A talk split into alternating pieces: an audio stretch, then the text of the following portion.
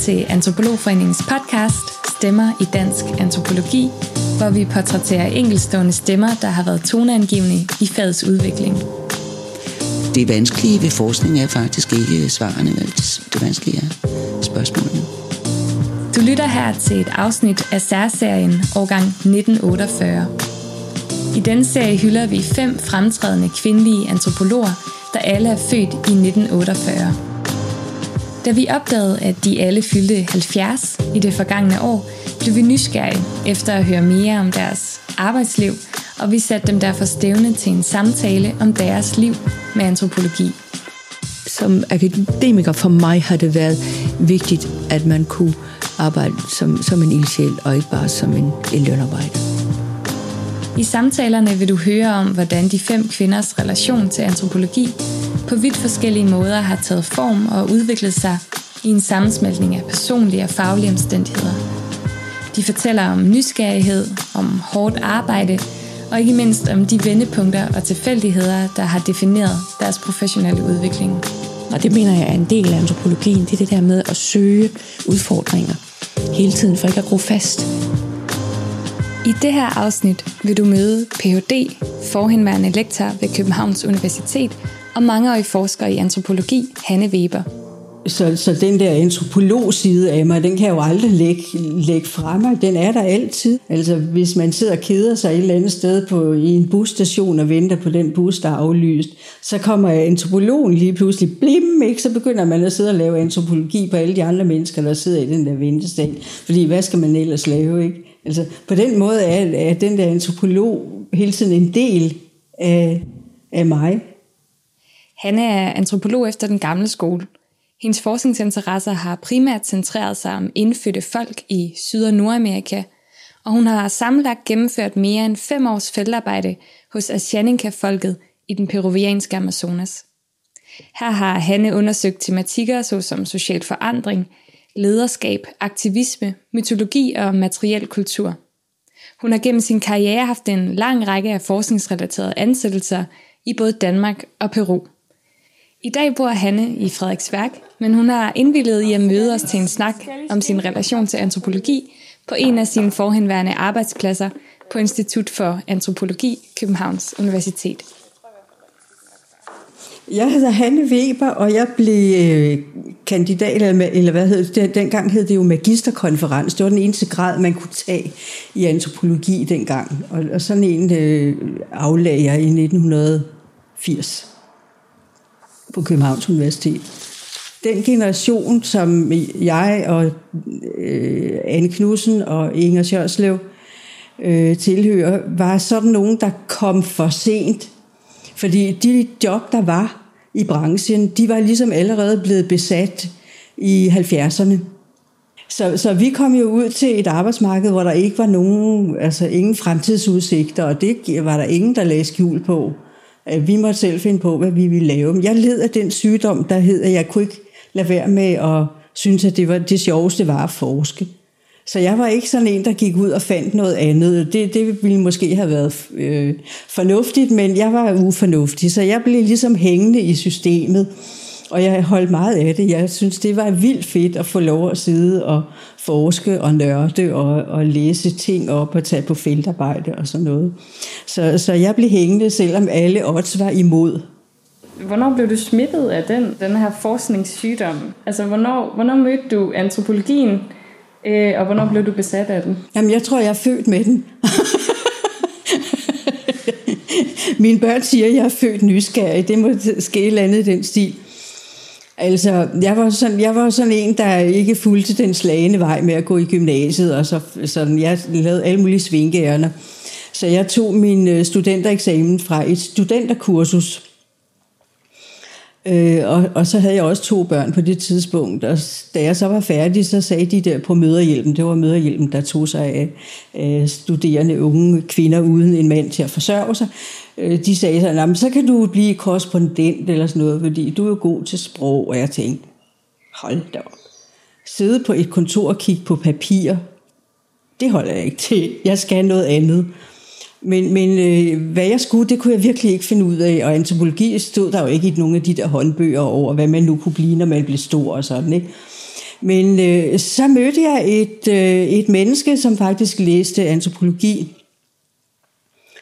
Og så kiggede jeg på hans læseplaner, og hvad det var for noget litteratur og emner og sådan noget, de havde gang i. Og så var den der lige med det samme. Det er det der, jeg skal. Det er lige præcis det der, jeg skal. Og så meldte jeg mig ind på antropologistudiet, og så gik den bare derud af, fordi det var jo det. Altså, og det har jeg jo aldrig fortrudt et øjeblik, at det var der, jeg havnede. Det var bare, yes, lige i øjet. så det var godt nok. Og, og, det, og hvad drømte du så om, da du var på studiet, at du skulle lave bagefter? Var det forskningen allerede der, du tænkte? Ja, altså det var det eneste, jeg kunne forestille mig, at jeg skulle lave. Det var at blive ved med at sidde og, og nørde med, med de der spændende ting. Hvad, hvad er det, mennesker har gang i med hinanden? Hvad er det, der sker ude i den store verden? Altså dengang var det jo sådan, at der, der var man fattig, når man var ung. Ikke? Og det der med at rejse øh, til Langbordistan, det havde man jo ikke penge til. Og så var der nogen, der blaffede til Indien eller Afghanistan eller sådan noget. Ikke? Men det, det kunne jeg jo ikke med to små børn. Øhm, senere viste sig jo, at når der kom sådan et hold nye studerende, og man sagde, Nå, hvad skal du så, når du bliver færdig? Så havde de alle mulige idéer, øh, fordi det der med at tage ud og, og se, hvad der skete i den store verden, det havde de jo allerede gjort. Ikke? Men sådan var det altså ikke det, der i 70'erne og 80'erne, da, da jeg blev færdig. Der, der skulle man først til at afsted, når man var færdig. Ikke? Øhm, jeg havde ikke sådan en helt klar idé om, hvad jeg, hvad jeg skulle øh, arbejde med. Og egentlig havde jeg som studerende en, en, øh, en interesse for, for kvindestudier. Det, det synes jeg var vældig spændende og sådan noget. Så, så øh, det ville jeg gerne arbejde med. Da jeg så skulle lave et, øh, et øh, projekt, så var det det, det kom til at handle om. Og det var så Peter Åby. Det var ham, der ligesom skulle vurdere mit forslag. Og han kiggede på det der, og så rystede han på hovedet og sagde et eller andet, der ikke var pænt. jeg blev meget sur, men så gik jeg hjem og erkendte, at han vist nok havde ret. og så tænkte jeg, okay, så vender vi bøtten. Så laver jeg det, som jeg ligesom har, har betragtet som en hobby, sådan en, en, en sideeffekt ved at læse antropologi, nemlig sådan noget med indianere. Det synes jeg var øh, vildt spændende.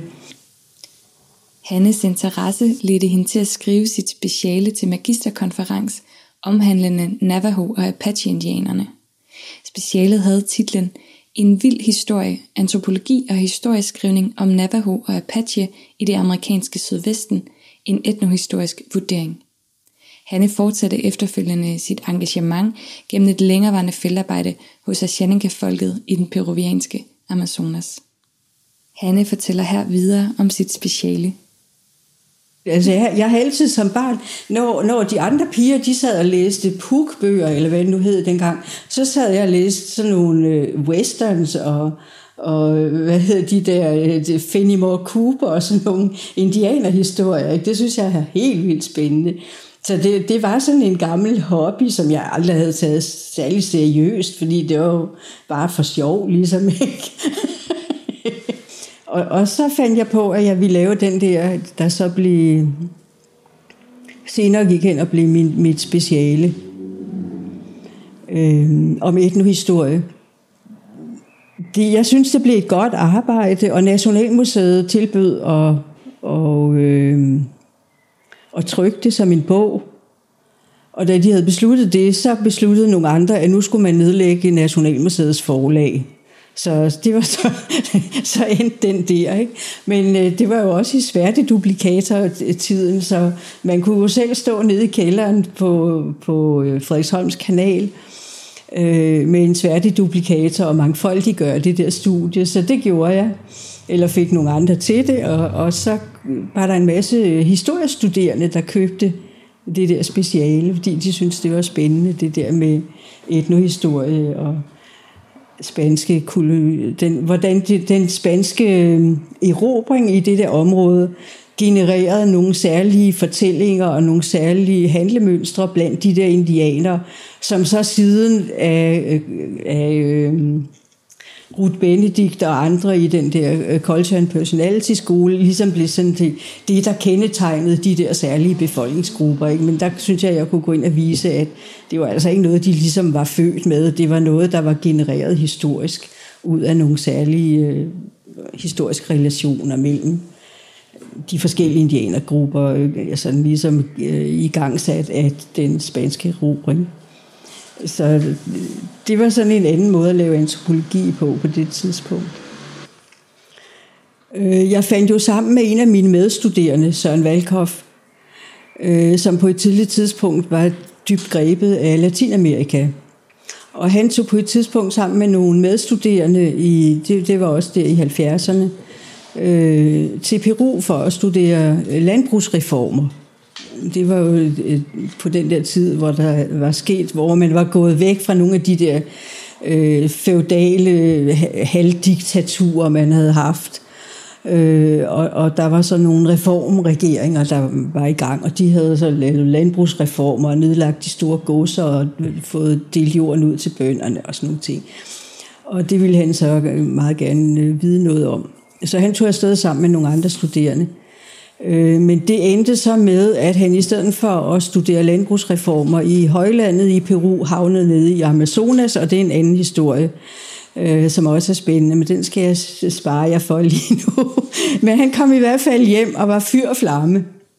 At det der, det skulle han, og når han blev færdig, så skulle han derned og lave feltarbejde, og det kunne ikke gå hurtigt nok. Og så skulle jeg med, og det tog ham fem år at overtale mig til, at jeg skulle tage med derned. Men det gjorde vi så. Øh, da jeg var, jeg var blevet færdig, og han blev færdig et par år senere, så tog vi afsted på en øh, bevilling fra øh, Danidas. Danida øh, havde på det tidspunkt nogle, noget udviklingsforskning, hed det. Og det var sådan en bevilling, vi fik til at undersøge relationerne mellem indianerne i, det, i den der del af Amazonas, som grænser op til Andeshøjlandet. Fordi der havde været store invasioner af nybyggere fra Andeshøjlandet og ned i Amazonas. Og det genererede selvfølgelig nogle konflikter med de lokale indianere. Og det var så det, vi ville kigge på. Hvad sker der der, og hvordan kan man undgå, at det eskalerer til noget rigtig, rigtig grimt? Hvad er det for nogle tiltag, øh, der kan give mening og, og sørge for? Og det var sådan ideen i det, og, og det var også øh, det, vi prøvede at finde ud af. Men når man så er sådan et sted, så er der jo lige pludselig alt muligt andet, som også viser sig at være spændende. Og det var tydeligt, at øh, der var nogle ting, som, som øh, det var værd at kigge på, mens vi havde chancen, fordi det kunne godt være om 10 år, hvis man kom tilbage, så ville de der ting ikke være der længere. Altså så var der noget, som de gamle vidste. Øh, de ville være døde, og det ville være øh, forbi slut, øh, ikke længere muligt at finde ud af. Og det, meget af det var sådan noget materiel kultur, hvordan væver de øh, klædninger, hvordan dyrker de dit og dat, hvordan fletter man kurve, hvordan øh, monterer man øh, fjerne på en pil, og altså nogle nørdede ting, øh, som hører til sådan en helt totalt klassisk etnografi.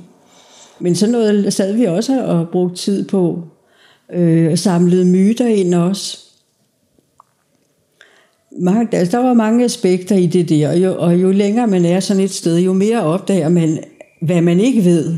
Så det er jo en, en skrue uden ende, når man først begynder. Ikke? Men vi kom hjem med et, et ret omfattende materiale. Jeg kunne godt tænke mig at tale lidt mere om, øhm, om dit feltarbejde. Det jeg godt kunne tænke mig at spørge dig om, det var, om du, om du ville beskrive, hvad dit feltarbejde har betydet for dit antropologiske arbejde. Og måske også for dit liv i øvrigt. Altså, jeg ved, du har været der en del jo. Ja, jo, men det har jo betydet alt, kan man sige. Ikke? Øhm, jeg tror, jeg regnede ud på et tidspunkt, at øh, hvis jeg lagde alle de måneder sammen, jeg havde været i det der område i Peru og arbejdet med Ashanik-indianer, så landede jeg på en 5-6 år. Når, når man starter ud, som vi gjorde med at tage så langt væk, og det var virkelig langt væk på det tidspunkt, det var sådan et sted ude i et øh, svært tilgængeligt område, Altså det er sådan noget med, at, at den der del af Amazonas, der ligger lige på den anden side af Andesbjergene, det er jo meget kuperet terræn, Og det betyder, at du kan ikke sejle dig til på en flod. Der er heller ikke store flade områder, hvor du ligesom kan have en, en, en landingsbane. Der er små landingsbaner, men det er små fly, der kan flyve derud. Ikke? Og det kan være lidt svært. Ikke? Og der er, heller ikke, der er heller ikke nogen veje på det tidspunkt. Så hvor lav Amazonas, der kan du sådan komme sejlende i en båd, og så er der ikke så langt at gå. Det kan du ikke på den, på, i det område, vi arbejdede i, i, i det øvre Amazonas. Så det, det var svært tilgængeligt. Så der havde ikke været nogen rigtige antropologer derude, sådan i gennem længere tid. I hvert fald ikke lige i det område. Der havde været en, men han havde sådan været der on and off, og så kendte han også en kvægeafholder, der boede der og sådan noget. Så han havde sådan været der på de der præmisser, men sådan altså, normalt øh, antropologisk feltarbejde, det havde der ikke rigtig været lavet derude. Nå, der tog vi ud, og så stod vi der, bum. Øh, og så blev vi der i to år med, med, med to børn, ikke? Så det var, det var lidt specielt. Og, og når man ligesom vender sig til at være sådan et sted i så lang tid, så kommer det til at gøre noget ved en. Og det opdager man jo kun langsomt. Ikke? Man hører nogle gange antropologer tale om kulturschok. Og det, altså, så er der nogen, der tror, at det er sådan ligesom det, der sker, når man sådan hopper ud af flyvemaskinen, og så står der 10 indianer med deres buerpil, med rød maling og blå streger henover og skal se, hvad vi er for nogen, og de ser ikke sådan specielt venlige ud lige med det første. Er det kulturschok? Nej, det er det ikke. Kulturschok, det er det, man oplever, når man kommer hjem efter to år sådan et sted, og så kommer tilbage til et civiliseret sted, og opdager, at det der med at, at skulle forrette sin nødtørft på et toilet, hvor man ikke sidder på huk nede på jorden, det lige pludselig bliver akavet. Det er kulturschok. Fordi så har du fået hele det, hele det der anderledes miljø ind i kroppen, ikke? Og du tænker ikke over det, fordi det er jo en langsom tilvænding. Øh, så du oplever det ikke som et chok. Det der chok, det, sådan havde jeg det i hvert fald, men det tror jeg, at der er mange andre, der også har det på den måde. Det chok, det kommer, når du opdager, at du ikke længere er den samme, som du var, da du tog afsted. Altså, det kan, hallo, hvad sker der her? Ikke? Ja, i den sammenhæng tænker jeg så på, at i antropologi har vi det her udtryk gone native, eller to go native, ja. altså på en eller anden måde at blive opslugt af sin felt. Ja, ja. Øhm, var, det, var det det, der skete for dig, eller var du, opdagede du dig selv midt i den proces? Hvad gjorde det ved dig sådan at, at være så længe i en felt? Jamen, det har da gjort noget, det er der ingen tvivl om. Men jeg tror ikke, jeg vil, jeg vil skrive mig ind i den der gone native, fordi det er ligesom noget andet. Altså, det, der er nogen, der bliver sådan totalt opslugt og, og bliver og slet ikke kan komme tilbage. Men sådan synes jeg ikke, det var. Sådan synes jeg ikke, vi havde det. Det, var, det betød også nok også noget, at vi var to. Ikke? Så vi havde hele tiden øh, hinanden og, og kunne snakke sammen om, hvad det var, vi oplevede løbende. Øh, det kan godt være, at det er nemmere at gå native, hvis man er helt alene og, og 100% må gå ind på de andres præmisser. Men det var jo ikke, det var ikke vores situation, fordi vi, vi kunne hele tiden snakke sammen. Ikke? Så, så nej, jeg synes ikke, vi gik native på den måde, men jeg kan da godt se nu efterfølgende, at, øh, at øh, der er mange ting, jeg tænker anderledes end, end de fleste. Altså, der er, der er ting, hvor jeg reagerer anderledes, end jeg ville have gjort tror jeg. Hvis ikke jeg havde tilbragt alle de der mange år i, i Amazonas. Ikke? Der var en af mine venner, der sagde til mig en dag, du tænker jo som en indianer. Og så tænkte jeg, ja, ja, come on, ikke? altså, men, men jeg kunne godt se, hvad han mente, ikke? Fordi at, at der var nogle ting, vi snakkede om, og så kunne han høre, at jeg snakkede helt anderledes og opfattede tingene anderledes. Altså der, der hænger sådan et eller andet, ikke, øh, som er svært at sætte ord på. Jeg kunne godt tænke mig, inden vi går videre, så vil jeg egentlig gerne tale, eller dvæle lidt mere med, ved det her med feltarbejdet, Hanne. Nu er jeg en generation, hvor vi får at vide, at vi har i hvert fald ikke tid til to års feltarbejde længere. Det er der hverken penge eller tid til. Nej. Øhm, og Og det her med også at vende tilbage til sin felt, det bliver måske også mere og mere sporadisk, fordi man tager derhen, hvor bevillingen kræver, at man tager ja. hen. Ikke? Ja. Er det vigtigt, at man har det her længerevarende feltarbejde? Jeg tror simpelthen, der er nogle ting, man ikke opdager. Fordi du er nødt til at blive temmelig meget fortrolig med dit felt, og dine informanter er nødt til at, at blive fortrolig med dig, øh, før de mange nuancer, der er i folks liv, de ligesom bliver noget, du, du kan øh, opdage. Fordi man opdager jo de der små ting, der kan betyde rigtig meget. Det opdager man jo først, når man ligesom mm, har et forhold til den der anden verden som, som noget, man, man ved, hvordan det plejer at være, eller sådan, man, man har en forestilling om, hvordan det normalt er, og så derfra kan du begynde at opdage nogle nuancer i forhold til det, den forestilling, du, du har om, hvad det er for noget.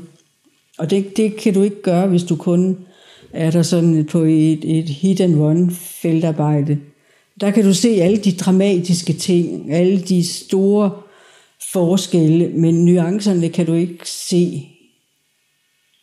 Det der, det er nok en lidt firkantet måde at sige det på, men, men hvis vi nu sådan skal gøre det kort, så tror jeg, det, det er der. Øhm, og altså, det, det, det er lidt synd, at man på den måde øh, desavouerer feltarbejdet med det bevillingssystem, vi har i dag. Øh, det synes jeg er rigtig ærgerligt. Ganske enkelt. Og altså, der er jo mange ting i det. det. Nu skal I alle sammen løbe rigtig stærkt, og fremdriftsreform, og holde derop, og karakterræs, og man, man øh, belønner ikke længere selvstændig tænkning og, og kreative tiltag og sådan noget. Nu skal man bare kunne, kunne sit stof. Så kan du få 12, hvis du ikke har gjort nogen fejl. Ikke? Men øh, hvis du ligesom hæver dig over det givende pensum, det, det får du ikke nogen point for. Og det, det er jo ikke at opdrage folk til at, at lave kreativ forskning. Det er jo mm, bare repetition, ikke? Og det, det er jo ligesom en mentalitet, der, der bliver lagt ind i systemet i dag, som jeg synes er rigtig, rigtig træls. Og det er måske bare, nu er jeg blevet sådan en gammel sur kone, ikke? fordi at det var meget bedre i gamle dage og sådan noget. Ikke? Men jeg synes, det, at vi havde, vi havde en frihed øhm, i 70'erne og 80'erne til at gøre nogle ting. Og vi, havde også, vi fik også mulighederne. Vi fik pengene i 80'erne og 90'erne til at, at gøre nogle af de der ting. Så, så jeg har måske bare været heldig og, og levet på en, en god bølge i, i et stykke tid, selvom det også har været bøvlet og, og, og træls og usikker og sådan noget. Ikke? Så var der nogle muligheder, som jeg ikke er sikker på, I får i dag. Fordi da systemet er blevet meget mere stramt, og, og pengene er blevet færre, forstået på den måde, at, at de ligesom bliver kanaliseret hen til nogle få stjerneforskere og nogle øh, fastansatte øh, projektledere, som så, så kan vælge sine egne øh, hoffolk til at have omkring sig og, og lave nogle projekter. Men de der sådan lidt skæve, øh, ikke særlig konforme personer, som der var plads til dengang, dem, dem har jeg svært ved at få øje på i dag. Og det synes jeg er rigtig ærgerligt, fordi det, jeg kan ikke se, at der kommer øh, den samme nytænkning ud af det. Det gør der måske, det, må, det er måske bare mig, der ikke er velorienteret nok, men det er i hvert fald den, den fare, jeg ser ved det system, jeg kan se har tegnet sig gennem de sidste, øh, især de sidste 20 år. Ikke? Altså, når man snakker sensorer imellem, ikke, så var der på et tidspunkt sådan en, en øh, der er for mange kvinder i antropologien, i, i hvert fald i, i Danmark, og 12-talspiger, det er da noget af det mest kedelige, der findes. Ikke? Så fik vi at vide, at det, det er jo dybt diskriminerende at sidde og sige sådan noget, det skal man jo ikke, og, og det er jo også rigtigt. Øh, fordi det er jo unge mennesker, unge kvinder, der har arbejdet hårdt for, og, og sådan ikke, men, men øh, når man kan lande på og, og sidde og sige sådan noget, ikke, så er det jo fordi, man, man har konstateret, at der sidder nogle talentfulde unge kvinder og repeterer. I stedet for ligesom at komme ud over rampen og hvad er det et tegn på? Det er i hvert fald et tegn på, at der er noget galt i systemet. At, at, at de der talenter, de ligesom bliver begrænset, bundet ind i den der repetition, fordi man nu har lavet et system, der, der ligesom rammer skævt i forhold til, hvordan øh, man opdyrker gode forskere. Ikke? Og det, det, det har da været lidt skræmmende at se, at det er den vej, det har, øh, det har peget. Og nu er det jo nærmest blevet normalt, at, at alle skal bare repetere, i stedet for at, at slå sig fri og tænke nyt eller sådan noget. Men det er måske også noget, der hører til min generation, at, at, at øh, det ligesom var naturligt, at man gjorde oprør og skabte sig fjollet og og spildte sin tid med alt muligt pjat også, ikke? det gjorde vi jo. Men, men der var den der frihed og, og, og, og trang til noget andet, noget nyt og, og, og nysgerrighed for nysgerrighedens egen skyld, kan man måske sige. Øh, og det, det synes jeg, der har været glimrende. Den kan jeg godt nogle gange savne rundt omkring. Ikke bare i antropologien, men også på alle mulige andre felter. Ikke? Har du gjort dig nogle tanker om, hvad det er, der har slukket for den her fritænkning? Jamen det er da politiske beslutninger, som har, som har lagt nogle underlige øh, rammer ned over fagene.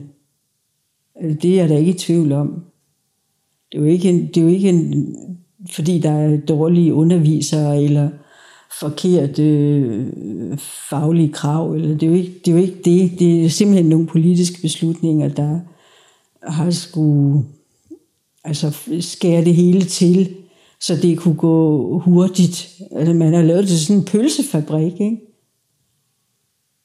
Hvor, hvor der bare kommer et eller andet ensartet produkt ud, som man så måske ikke kan bruge det så forfærdeligt meget, når det kommer til stykket. Fordi det, det er blevet for, for ensartet, for firkantet, for konformt. Og det var, ikke, det var ikke ligesom det, der var ideen med antropologi. At man skulle have sådan en pølsefabrik med, med nogen, der kunne gå ud og, og sådan skrive rapporter om, hvordan det foregår i den her børnehave, eller det der hospital, eller øh, i det her landbrugskollektiv et eller andet sted, men, men opdage de nye ting, der ligesom kunne være med til at forandre noget. Det var i hvert fald det, jeg, jeg så, at de, de gamle antropologer, de, de, de havde den der, at det var, det var, det var anderledeshederne, de ville vide noget om, og nogen ville så vide noget om det for at kunne styre øh, det var jo en del af, af det koloniale projekt, ikke? Men, men nogen ville også det vide for at kunne forandre og gøre verden bedre. Det var hele tiden den der, som i hvert fald har ligget i min generation, som man også nogle gange er blevet gjort til grin over, ikke? Altså, det, øh, de der, der skal ud og gøre verden bedre, ikke? Haha. Men man kan jo også tage den alvorligt, ikke? Og, og, og, og tænke, jamen, er det ikke det, vi også skal i hvert fald?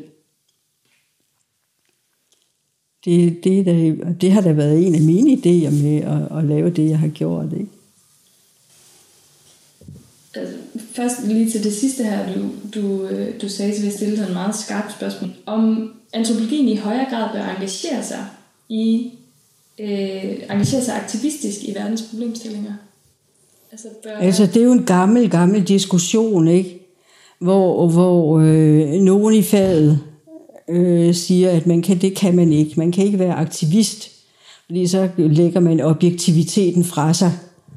Hvor andre vil sige, at man er nødt til at være aktivist. Ellers øh, tager man ikke den verden alvorlig, man skal forholde sig til. Øh, og der var Terry Turner jo mit gamle idol. Ikke? Han, han var jo typisk på den der med, at man er nødt til at være aktivist, man er nødt til at tage politisk stilling, man er nødt til at være solidarisk øh, med de folk, man arbejder med, og, også gå ind og, og støtte deres politiske tiltag, øh, hvis det er det, der er nødvendigt. Det var også det, Søren og jeg gjorde i, i Peru omkring øh, jordrettigheder og forskellige andre ting. Ikke? Men der var jo de der store diskussioner om, om, øh, om øh, aktivisme, om, om man nu kunne det, og så samtidig være videnskabeligt objektiv og seriøs og sådan noget. Øh, og der har det jo hele tiden været, været øh, min idé, at man er nødt til at være begge dele, hvis man tager sit fag seriøst. Men jeg kan da også godt se det andet synspunkt, at, at øh, man er nødt til at holde en vis distance. Altså man skal ikke gå native og, og altså, glemme at tænke sig om simpelthen. Man er nødt til at blive ved med at tænke sig om. Og man er også nødt til nogle gange at, at erkende, at, øh, at øh, de folk, man arbejder med, altså også kan foretage sig nogle grimme ting, og ikke bare er de noble vilde, i, nu i det her tilfælde, ikke? Øh, hvor man så må beslutte, hvor, hvor går grænsen, hvornår siger vi fra, hvad, hvor, hvor skal fokus ligge, skal det være på solidaritet med lige de der folk, eller er vi snarere solidariske med nogle idealer, nogle for eksempel demokratiske idealer, eller nogle idéer om menneskerettigheder, som er vigtigere. Og der er nogle diskussioner der, som, som skal tages, og som man for eksempel har været i gang med at tage herhjemme i forbindelse med hele indvandrerdebatten. Øh, skal man være solidarisk med, med de der parallelle samfund og de normer, de har på forskellige ledere, som vi måske ikke lige synes er de mest spændende, for nu at sige det. Så det, der er nogle diskussioner der, som, som vi slet ikke er færdige med, og som jeg tror, øh, antropologien bør involvere sig i. Er der nogle tidspunkter, hvor du personligt har øh, følt dig forpligt, for, moralsk forpligtet til at tage ansvar i det antropologiske arbejde? Altså det her med, at hvis antropologien nogle gange bør engagere sig mere eller indblande sig, er der nogle tidspunkter, hvor du, hvor du ser tilbage, hvor, hvor du tænkte, her der bliver jeg simpelthen nødt til at træde ind på en anden måde, end man ville gøre måske som observerende akademiker? Jamen, det var der jo. Det har der jo været i, i, i omkring det der feltarbejde i Peru især, ikke? Fordi det var helt tydeligt, at der foregik nogle fuldstændig vanvittige ting. Altså bare sådan noget med, at, at øh, nybyggerne kunne komme afsted med at påstå, at indianerne ikke eksisterede. Fordi man havde jo ikke tal på dem. Ej, der var måske 50 eller sådan, flere var der da ikke. Så alt det jord her, det, det, det er der ikke nogen, det kan vi da bare tage. Jamen, jamen, jamen, jamen, der er jo ikke, der er kun de her, vi har ikke set flere altså, sådan, altså, der var mindst 5.000, ikke? Men så, sådan noget kan man komme afsted med. Øh, og, og, og myndighederne, de er med i det, ikke?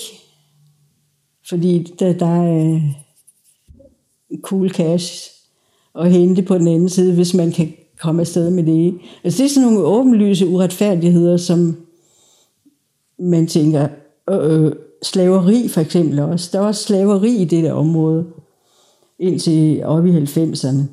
Og så, så tænker jeg, så er man nødt til at gøre et eller andet. Noget andet, som, som, var, som var svært, ikke? Det, det var sådan noget med hekseri. Altså nu snakker vi både om hekseri, men især om hekseri anklager.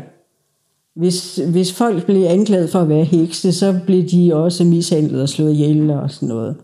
Altså der skete rigtig grimme ting. Og der var en tradition for, at antropologer ligesom gik som katten om den varme grød, fordi det er jo det, og det kender man jo andre steder fra også, man taler ikke, man siger ikke øh, noget om de der grimme ting, der også foregår, fordi det vil blive brugt imod de der folk. Så er man ikke længere solidarisk med sine informanter, hvis man åbenbarer deres grimme sider. Så hvordan takler vi lige den, ikke? Og nu er vi ligesom landet på, at jo, vi, nu skal vi, er vi nødt til at være åbne omkring det. Fordi det andet, det fører ikke rigtig nogen steder hen. Det, altså, der er nogle ting der, men øh, der har der været sådan nogle altså, situationer, hvor vi har tænkt, nu er vi nødt til at gøre et eller andet. Nu er vi nødt til at forholde os til det her. Ja. I tidsskriftet Antropologi nummer 56, øh, det tidsskrift, der hedder Kulturmøde, der har du en artikel med, der hedder Kultur og Møde, gensyn med amerikanske akkulturationsstudier 1936-63. Og her der skriver du, at kultur i dag mere eksplicit end nogensinde før gøres til en politisk ressource, og at vi bør lære vores erfaring med akkulturationsstudier for at forstå nutidens kulturmøder, og dem er der rigtig mange af i dag. Øhm, kan du måske uddybe lidt på det? Hvad mener du med det, og hvilke konsekvenser har det for, hvad antropologien skal engagere sig i? Det der med kultur, det er jo snart over, overhale sig selv indenom, vil jeg sige. altså, fordi det, altså, det, er jo lidt, det er jo lidt den diskussion, øh, som man, man har haft på en lidt sær måde her i Danmark om, omkring hele indvandrerdebatten. Ikke? Øh, hvor der er nogen, der ligesom vil sige, at øh, en bestemt befolkningskultur øh, er sådan bevaringsværdig i sig, eller det går ind i sådan en identitetspolitisk øh, diskussion, hvor man efterhånden må konstatere, at det er de samme præmisser, det er de samme parametre, der bliver som kørt i marken af for eksempel Dansk Folkeparti, Hizbut Tahrir og indianske organisationer i visse latinamerikanske lande, eller i Nordamerika for den sags skyld. Ikke? Øh, og, og så må man jo spørge sig selv om, hvad skal vi lige bruge det der til? Øh, andet end at grave grøfter mellem forskellige befolkningsgrupper.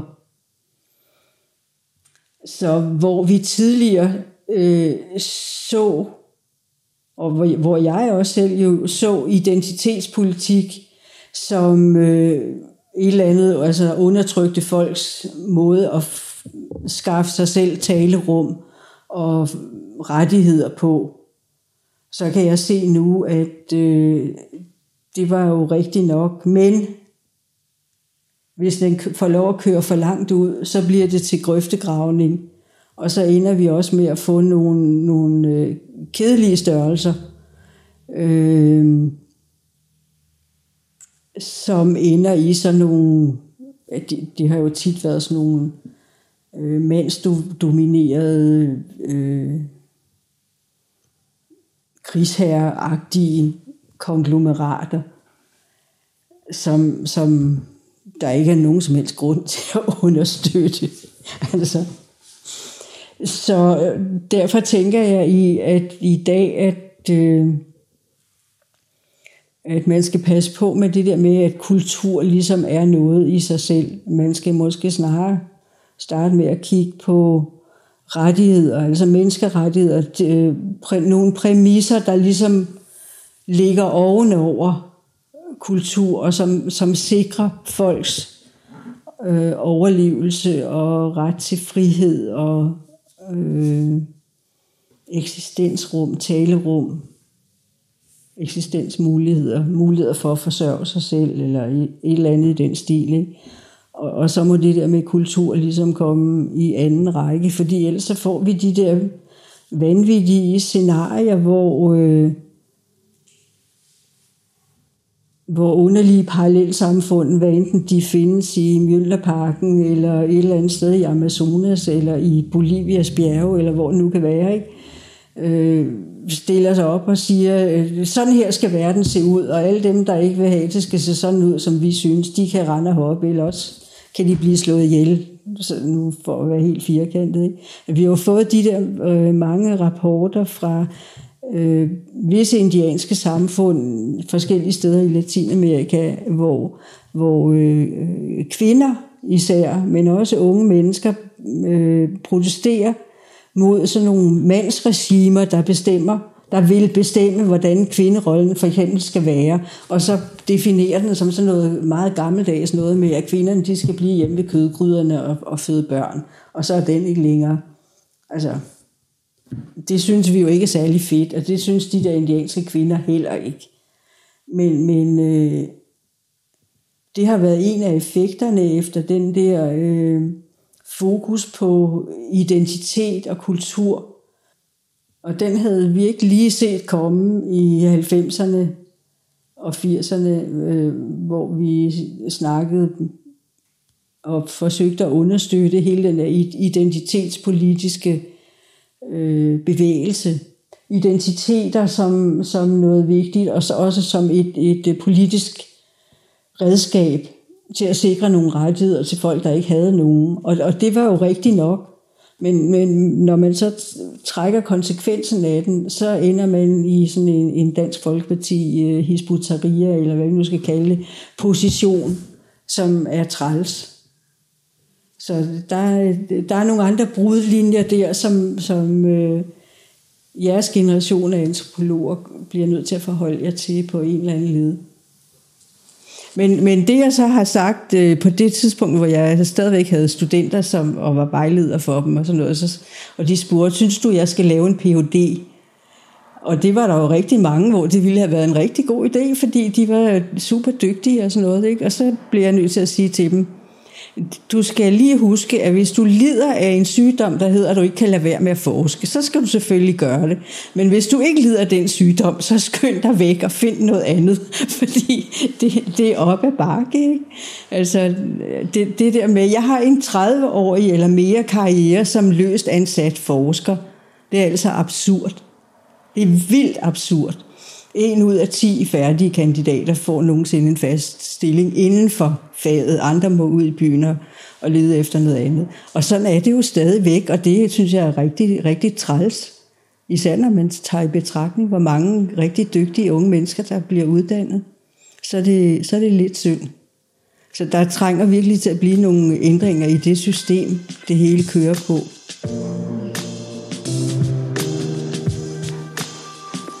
Du har lyttet til et afsnit af årgang 1948 i podcastserien Stemmer i Dansk Antropologi, en podcastrække produceret af Antropologforeningen Danmark. I det her afsnit mødte du Hanne Weber, der sammen med fire andre fremtrædende danske kvinder fyldte 70 i det forgangne år. Husk, at du kan finde de andre interviews fra årgang 1948-serien på vores podcastkanal, som er tilgængelig på foreningens hjemmeside på iTunes og SoundCloud. Er du ikke allerede medlem af Antropologforeningen Danmark, så kan du også blive det i dag ved at tilmelde dig på foreningens hjemmeside, og den finder du på www.antropologforeningen.dk, hvor du desuden kan holde dig opdateret på vores events, vores happy hours og øvrige aktiviteter. Du kan også like vores Facebook-side eller blive en del af foreningens netværk gennem Twitter og LinkedIn. Mit navn er Sissel Marie, og på vegne af Antropologforeningen vil jeg gerne sige tak, fordi du lyttede med.